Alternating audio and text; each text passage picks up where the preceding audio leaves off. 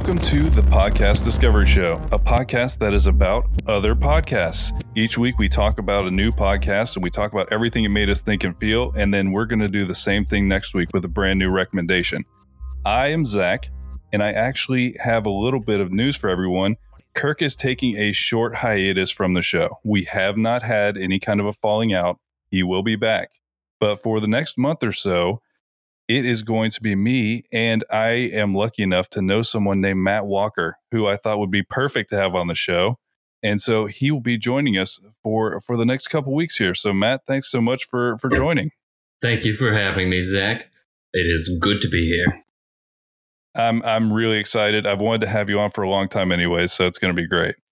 And the first episode that we are going to be talking about is the last Kirk recommendation, and that is the apology line, which is a Wondery show. So we've we've talked a lot on our show about how much we appreciate kind of the production quality that Wondery puts in, and this is just another one of these. But the premise of this show is that there was in Manhattan in the 80s a phone line that was dedicated to if you are a criminal, call this line and you can apologize to the people that you've harmed. And that is kind of all they start you off with. And then it it really is Kirk was really on the fence about recommending the entire series because it really ramps up fast. So Matt, had you ever heard of this show? I have not. I've never even heard of the premise. I've I've never heard of this ever at all. I, I hadn't either, and it's it's so interesting to me because it's not the same anymore. This was back when there was phone booths, there was answering machines, there was all of these things that were so encapsulated in that time specifically. But it just goes crazy pretty much immediately. So they start out by talking a little bit about Allan, who is the guy, the guy who started Apology, and he was an artist he was a pretty extreme guy by most people's accounts. Um, there was definitely a story in there about him doing coke and setting his hair on fire, and he he was unaffected generally. Yes. And there was one story about how he and a buddy put fishing hooks in their in their trench coats and went into groceries and stole steaks. yeah, he also he also I, I guess really didn't understand that. It, it, seemed odd because just why? Like it, it, seems like a cartoon character thing to do, where you're just like, I'm gonna steal some steaks now. But yeah, he was a, a, kind of a crazy guy, and he set up this thing, and apparently just one night, him and a, him and a buddy went and put up a bunch of flyers to literally say, "Hey, criminals, I want to hear what your brain's like," and and just that that's it. It was a I guess like one of the one of the more interesting kind of art experiments I've heard of because you're exposing yourself to a weird subset of people who you probably don't want to be. yeah, uh, definitely don't want to be. Uh, that's what we learn at least. yeah, no. So uh, his first kind of his first the beginning is reporters are kind of seeing these flyers going up, and they're they're just like, "What's happening here?" And then he starts getting calls from people, and these I don't even really know how to describe it, but the last call on this, and we'll get more into it, it literally like gave me chills the first time I heard it because you're hearing yeah. the actual apology line. You're hearing the recordings, and they just had an answering machine in their house that played 24 7. Whenever these people would call, you would hear it like because it was the old school tape answering machines. It would just play in your house on a speaker. And so you're just sitting there listening to people saying weird stuff on your answering machine. yeah, it sounds like it's Saturday night. Yeah, pretty much. And no, he did set up like a party for that. He he had everybody over. He's like, "Hey, you guys want to hear what's on apology?" And he just starts playing this. And so you get some people who are like, "Oh, I I robbed someone and I shouldn't have done that," or uh, there was one guy who, I think it might have been the second episode, but he crashed his car and ended up destroying someone's business. And he's like, I feel bad about that. But very quickly, you figure out that he's also getting really deranged people calling in. And it it really doesn't take long for it to start going there. Yeah, um, you pretty immediately you meet that uh that guy. Well, I guess what is it? It's not uh it's not Richie, he's the later one. Oh, it's Bernie. Bernie. Yeah. Yeah. It was some other Bernie Ritchie. if, yeah. If you've got a name ending in an IE, It's a, I'm it's just a gonna problem. say you're bad news. You're bad news. that's that's really all it takes. yeah. Uh, but yeah, he's like uh, apparently, and, and there's a lot about this where the host of this show is Marissa Bridge, and you don't find out until the very end of this episode. It's kind of like the bombshell that she is the host of this show because she was married to Allan through this whole process. She was married uh, to him until apparently he died um, in a like a freak accident. And I think that's when Apology ended. So I haven't listened through the whole series. I'm guessing they probably get to why it ended, and that's what that's what happened. But she was married to him, and so all of these things she also experienced. He would have dinner parties and play these things, and and then one time he sat her down and he's like, "Okay, I need to tell you something. I have received a death threat."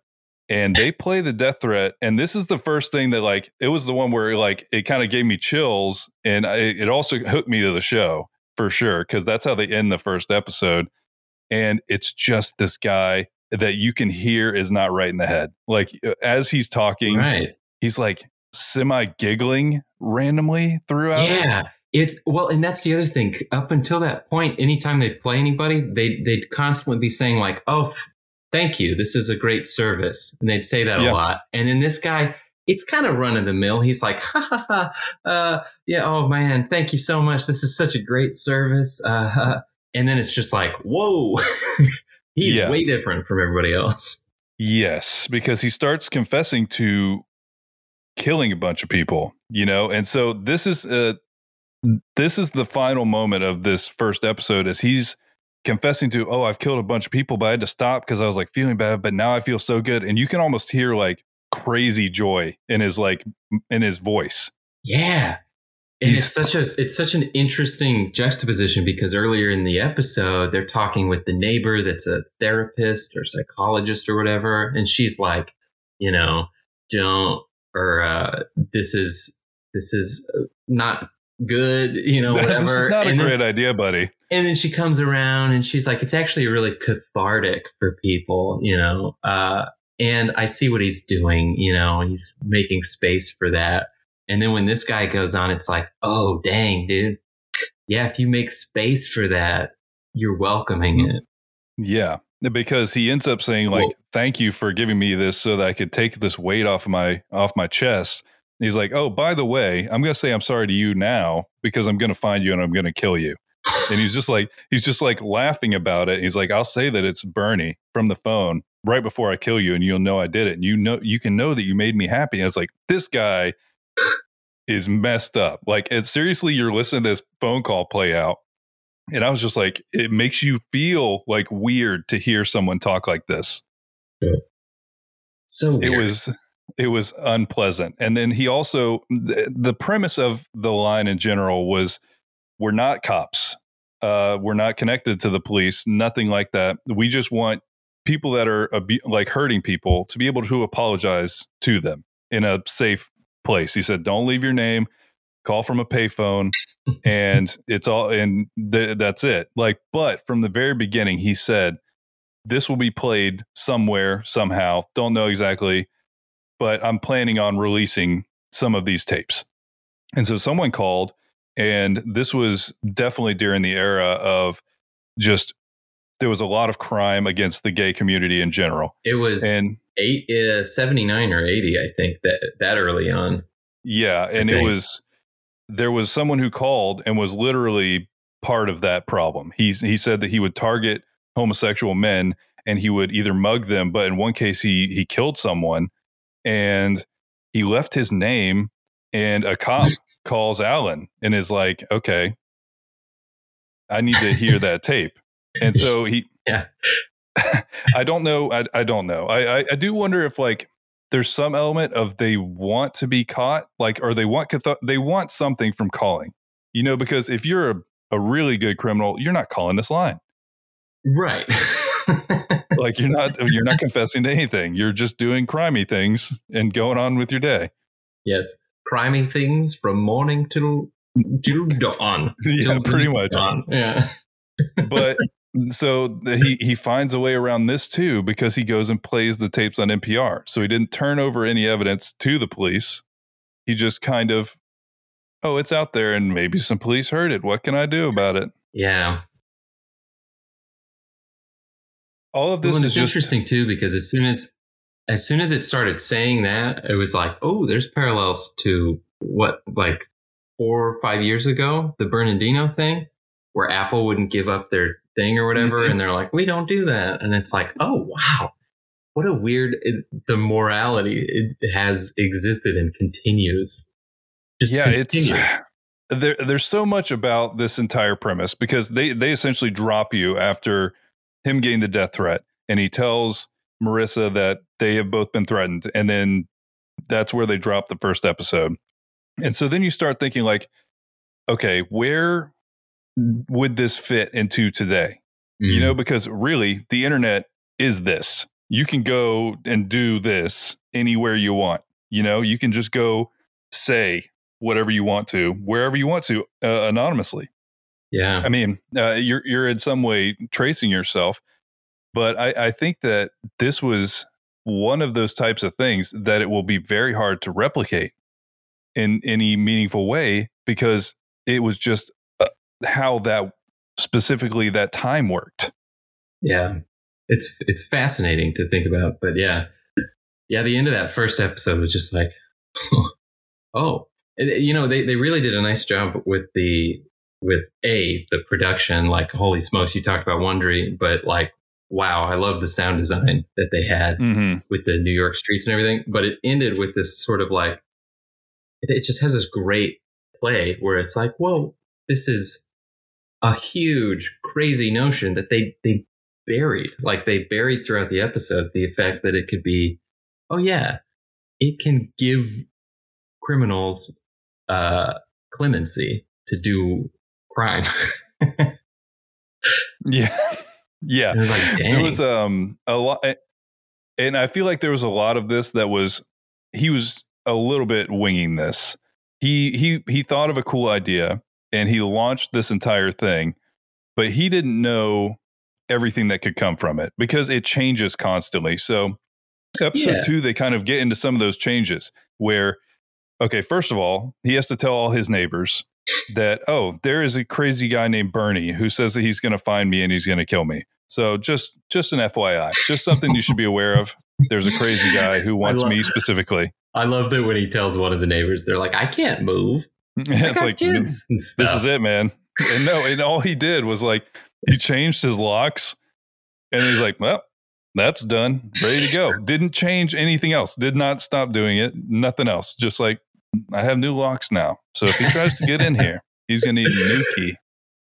Yeah. but then he starts kind of exploring uh, and it, it really does kind of point to he was an interesting person as an artist because he he starts exploring the different kind of iterations this can take so he had a whole art installation that there was four there was i think four phone booths Mhm. around the place and you could literally walk in and i think it was a big party a big thing and he was he dressed in disguise because bernie has freaked him out now um, so he just set up four phone booths so you could walk in, you could pick up the receiver, and you could listen to these calls. And uh, I don't know how they have selected the ones for the apology line. I didn't. I, I I'm not sure, but like, it's fairly tame as far as it Yeah. could be worse. You know, like even the crazy guy, it's because you can hear the crazy in his voice. You know, you can hear the he's just not right. Like he's like laughing weirdly and at weird times, and he's Mhm. it, it's just not good. But nobody is like saying anything horrific, at least in these couple ones, like anything that's like overly crazy. So I wonder if they've cut some of these Oh, and like I can imagine some people just call and are like, "F you, man." Yeah. You know, it's like, well, and it's it's cool too. So like the way the way the story pans out is just so interesting because it kind of that moment where he does the four phone booths things really kicks off the different iterations of the Mhm. things that he he's like, ah, I see how this can play and everything. Because it was essentially like you're interacting with the people and they're interacting with you when you go in and you pick up the phone, right? Mhm. So it's really cool, conceptual. And then right after that, it's the um, when he starts putting them putting the apologies that he's recorded at the top when you call the number, you hear other ones, and then people respond to them and stuff. But where it really got me is when he would respond to some people. He would call he them did back. call some of them back. like, Uh, yeah, I think that there's he was a different type of personality. Like he just was in this thing, and it, where we would like at least me, I would get freaked out as soon as people started saying they were going to kill me, and I would not be calling people anymore.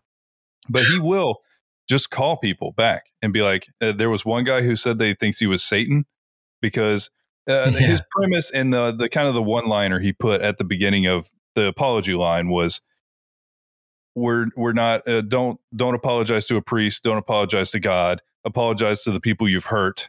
You know it was kind of the premise. And so a guy really stuck on that. He's like you're saying don't apologize to god? He's like no i'm what i'm saying is they need to apologize to people. He's like but i don't really believe in god in god. And the guy's like well that's why i don't want to Oh, talk to you idiot. And he just like hangs up. But yeah he 100% so weird. is like actively engaging in this. You know, he's Yeah. this is not something that he just put up here and let it happen. It was a constantly evolving and very engaged process that he was working on. And that's what And- Marissa pointed out because she was like, that's when he started interacting with everything. He made himself a part of the thing rather than, and, and then he's, he went by, I, we kind of glommed over this, but he went by uh, Chris Apology rather than his real name for like pseudonym kind of whatever. And, uh, it's so fun listening to them be like, Mr. Apology. He would Yep, leave voicemails for people at the top. Like he, he would put other people's and he would give instructions and stuff. And he'd be like, it's Mr. Apology. Um, and just if you're a criminal, I would like to know more about why you do things. And like, that's when, Yeah, and that Oh, boy. that really Cool. opened it up again. Like it, it really is this you can see this kind of progression. So first thing, you can just apologize. Second thing, he puts kind of a curated list of here's some other people who have apologized. I'll change this monthly, but here's an idea of what's happening on here. But then they start talking to each other or about each other. They're like, oh, that guy who was talking on there, he's an idiot. Here's why. So then there's like kind of this back and forth there, and they would try to talk to him. And then he starts trying to probe the like the motive, the the mindset of people who are committing these crimes. And that's when killers start calling in. Um because which is I- great. Well, and it's, it's even before that because he keeps getting, because Marissa brings up that they have regulars that, yeah, which is what, really what. Metro, Mr. Hard Time, something like that. yes, I love them. Uh, and and maybe the Zodiac killer. Yeah. I He'd mean, call in and go, "This is the Zodiac," uh, and I don't even know what he would say. I I just be like, "Oh," because he wouldn't Uh, apologize. And then he's no, like, "Well, shit! Now I I really got to know what these people are." yeah. he's like, And- "Oh, "Why are you doing this?" and, that's the thing is like why are they even calling like why why are these conversations even happening you know because okay you're the zodiac killer you're super oh, secretive Oh, hold on, hold on, hold on. Not you- uh, not you specifically, don't worry. Okay, good. Don't don't say that. no but he's leaving ciphers everywhere he doesn't even want he wants you to like dig to figure it out so there's some part of he wants you to see that he's smart you know he wants to be seen for that. And so i think that that may be something they're tapping into there. Because i don't Mhm. know why else people would call in on it. But the the people start calling in and explaining like oh i mean i have this moral code where i don't because uh, uh, there was one guy who was like well i don't do anything to kids or women you know kind of like the wire stuff where it's just like it's like gang stuff and he's he's laying it all out. But honestly this one the the end call on this one is almost worse than bernie. It, it might have been worse when i first heard it because he is not at all affected. Like it's not like he's like trying to be like the joker. He is just talking and talking about why he should be killing people more Yeah. often. It's like uh, I read your or I listened to your voicemail, and um, well, this is why I do it. You know, it's very just and like it literally just came down to it, I did it one time and it felt really great. And so I've been chasing that feeling ever since. yeah, Basically, It- with that inflection, like no, nothing, nothing there at all. crazy. And then he'd leave voicemails that were like, "Tell me more about this," you know, and they'd just they'd interact with each other. It was crazy. It was crazy because the guy would be like, "No, no, no, you're not understanding. I do this for myself." Yeah, like, no, and he also uh, thought that if you weren't like chasing your impulses and the things that make you feel good, you are repressed. And so, literally, this is one of the guys that he calls back and talks to about like. Uh, well, I think that he might have left a voicemail. I can't tell if that was a, Yeah. a like a conversation conversation. or an editing trick Yeah, to make it seem like him. Yeah. but he essentially does kind of follow up and say like and he i mean hopefully he was lying but he said look i have these thoughts too i have these impulses but i know that they're wrong so i don't do them and the guy's his name was richie but the guy was just like no i mean you're you're repressing uh, what you're what you're like destined to do and so hearing someone that's that cold and calculated is disturbing um, because he just it, there was nothing there, like completely flat. Just talking about how it just it felt good to him, and he knows that people probably wouldn't like that he does it, but he doesn't care, and he's just doing it. And so you kind of get this. In the end, I did want to kind of blast through the rest of this series. I will listen to the rest of this series to hear how Mhm. it goes because it was it's just so interesting to see how all this changes and how all this is constantly evolving, and then how much farther in is Allan going to Yeah. get Right. into this? Because we're on two and he's talking to a maybe serial killer. Like, and and the the kind of the little teaser at the end was like uh, he was considering taking like having dinner with this guy. He got too like involved with like trying to understand what's happening in their head. And so you end up with this show that like you said it sounds so interesting because you get all these like 80s New York accents. Um you get all these uh, like that that really like crunchy sound that was like old phones, you know. yes. Oh my God. The receivers picking up and stuff. Ooh, I loved that. there It's was a lot of really Texture. really cool sound to this to Yeah. this show but then you're hearing somebody who it sounds kind of goofy because it's like really old school but they're saying horrifying things and so it just kind of pulls you all over the place so Yeah. what, uh, did you did you end up enjoying this show do you think you're gonna finish it Yeah, probably. I mean, it's what, what the episodes are there's six 40, episodes 40 minutes. It's, it's a very listenable thing. Cause I, I would look down and be like, is, has this been more than two episodes? Like so much has happened. yeah it I was go like, what? I was like, we're only on two. I was like halfway through. Um, yeah, definitely. I mean, it's it's engaging, and with all the true crime stuff, it's like it's one that I haven't heard of. You know, which is yeah hard to find. You know, you're like, I it know John like Wayne Gacy, weird I know Yeah. Ted Bundy, I know Night Stalker, I know, but I've never heard of this one. So I'm curious to see how it ties into all of the serial stuff. You know, Yeah, it's it's really interesting because it, it kind of breaks. It's not formulaic like a lot of these are because uh, the true crime is very very popular at this point, and so there's a lot of formula to it. They pick a murder, they do the thing, they the next episode do the thing, but this one is just so. And I think it could be because he's an artist and like Mhm. there's something different to it. It's not just like a formulaic episode type thing. It literally is just exploring this weird moment in time that he captured. I, I don't even know if this type of thing has been captured uh, like this in any way because they could be lying. There's no telling. You know, it's just right? Letting people say whatever they want anonymously, Yeah, and it it's a weird premise, and it's a it's it's interesting because th- it does it touches on that for me repeatedly. I'm like, if this guy's an artist, he's literally doing a performance conceptual art piece called Apology Line. It's so simple that he could have just gotten a buddy to call in and be like, "Hey, be deranged," you know. But Yeah. it still holds the same creepiness and like the weight of the actual thing because it's like, well, we don't know. And if the the idea if it if it were you know is like hmm, yeah no because uh, technically if he were i guess inclined to he could manufacture the whole thing that cop could have been fake everything could have been fake if like there's no way to stop it from happening if he decided to orchestrate this whole thing right, it, it could have been. But then you have like if, if it's not you know there was a murder of a of a gay man at this time and a, and that was a police officer that called in because they literally bleeped his name the officer's name when he called in.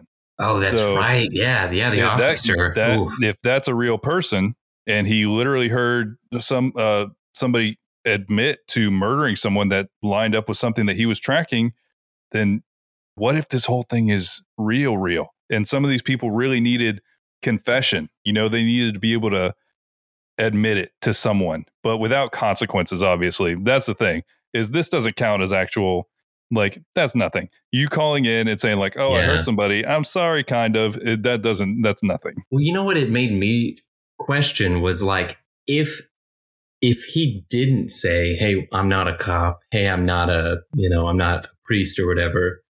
I'm not going to tell anybody." Even if he didn't do that, I wonder if he'd still get the calls. You know? Maybe.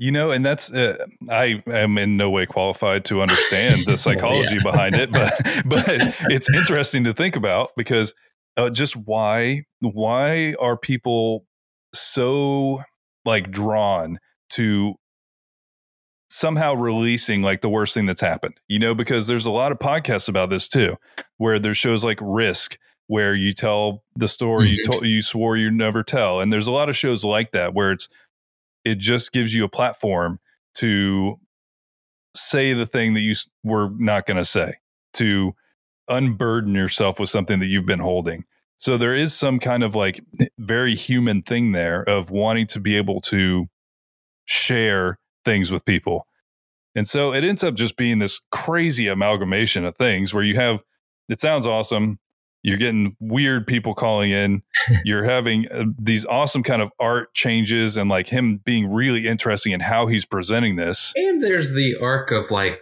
their lives together, the host Yeah. and, uh, and and I love that that's kind of the the foundation of the whole thing. Is it's Yeah. like their lives, and then also on top of it are the apology things. Yeah And, the driving force is like very tangible. Yeah, uh, honestly, the structure of this show is more kind of like where Marissa and Allan are at at the time. So, like, kind of the the beginning is they're meeting and like, oh, here I have this weird project I'm doing at my house, and then they kind of like it. It is, it's a very well developed show, and I really liked it for Mhm. sure. hmm Yeah, very good. So, so I guess this begs the question, Zach. What's something that you would like to apologize for? Hmm. Just kidding. Hmm.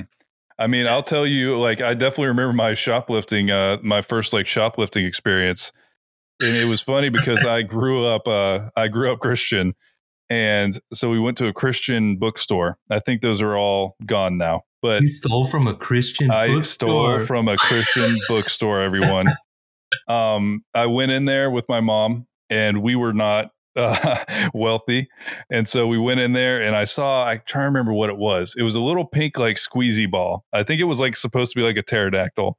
And so I saw it and I was like, can I have this? And she's like, no, that's dumb. Like, you don't need that thing. And I was like, okay. And so later on, when she went like around the store, I I just stuck that thing in my pocket. I was like, that is now mine. But I was I knew that I had done something wrong. And so when I got home, I hid it. We had one of those entertainment centers, and I hid it underneath it, just like tucked it down there. And I literally never played with it because I was I was like, she's gonna know if I take this thing out and she sees it, I'm done. And one day, she decided to clean our living room, and she goes to move it, and my life flashed before my eyes. It I don't know how long it had been. I was a kid at the time, so like it could have been months. Uh, no telling. Just like I just took it and stuck it under our entertainment center, and so she moves it, and she sees it, and she looks at me, and I was like, "Oh my god, this is it!" She found it, and what she made me do is she made me go back to the Christian bookstore, and I was bawling my eyes out, and I had to apologize and pay them for it and give it back. I had to do all of the things I didn't want to do. So there's my apology, and I had to apologize Oh, to them. So they man. know too. Dang. But yeah, it definitely um, it, it shook me from shoplifting for quite a while after that. It was it was quite the first experience. That's funny. We were we were listening today to this, and and the the host Marissa had a shoplifting story Mhm. about how she would and and and it was what did she steal? She stole like I don't even remember if she said what she stole, but uh, What but was she it? was like same thing on. Uh, She Mhm. was Yeah, her so mom was- riddled with guilt. Yeah. And Yeah, then, no, uh, was- she'll never do it again. And both Carlin and I looked at each other and we were like, weak. No, weak. She's weak. Well, this has been our version of apology line. It's slightly Yes. different. It's slightly different than uh, Richie and Bernie, but there it Yes. is. We, That's it for. Zach will never shoplift again, and I'm not making promises. No, it didn't. Uh, it didn't play out that way when I got to college. I had uh, I had worked through. I had worked through my stolen pink squishy thing issues and You were began just- stealing You were again. just stealing from any any and every Christian bookstore you could find. it wasn't. No, I was not a serial Christian bookstore robber. That is not. That, that is not what was happening. But I, uh, I, I did shoplift a couple things after that. But that's for the next episode of Apology Line. Um, but no, really, really great show. It will get you hooked. You're going to want to check it out. And actually, Matt said that he has the perfect recommendation for next week. Oh my gosh. It is a amazing podcast that I love. Um, it is called the Bechdel Cast. Do you want me to talk about it? Yeah, yeah. Talk about it more would be great. the hosts uh, Caitlin Durante and Jamie Loftus. They use a uh, uh, a test. It's called the Bechdel test, and uh, they they look at popular movies through this test. And all a movie has to do to pass this Bechdel test is have two female characters that are named and that speak to each other about something other than a man. And it's Sounds easy, doesn't it? oh, it sounds so easy, but oh, hardly nary a film passes. it's amazing, and um, and they've since sort of uh, adapted this that they also kind of talk about the movie through the lens of intersectional feminism, which is fun and it's it a task in some regards. Uh, for instance, they did the human centipede, and uh, I can't imagine how uh, how feminism interacts with that film. But Uh, yeah, I have. Uh, I would be curious just to see the interaction between those two things because what I don't, I don't know how anything would react to that specific movie, like because it was just its own. it's its own thing. Yeah. But uh, the episode that I'd uh, like to review is the uh, Gigli episode. Uh, I don't have the episode number, but uh, it's featuring Josh Fadem, and I happen to love Josh Fadem and Gigli, so uh, it's quite a listen, and I'm, I'm really excited about it. Yeah, I'm really looking forward to this. So we're gonna have to watch Gigli before we before we get to this, so we know all the references. yes, yes, it'll be a tough film to uh, mis be re- misrepresented via We can't do that say to about the, it. to, Yeah. the, to the writers, to the cast and the crew. Yeah, So, so yeah, everybody check out the Peck the Bechdel cast, Gigli with Josh Fadem, and we will be back next week. And remember, there's always more to discover. there it is. We're not even gonna edit that. We're leaving the break.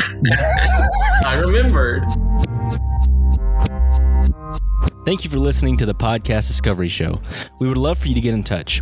We have a Facebook group called the Podcast Discovery Club, and our Twitter is at the PDS Official.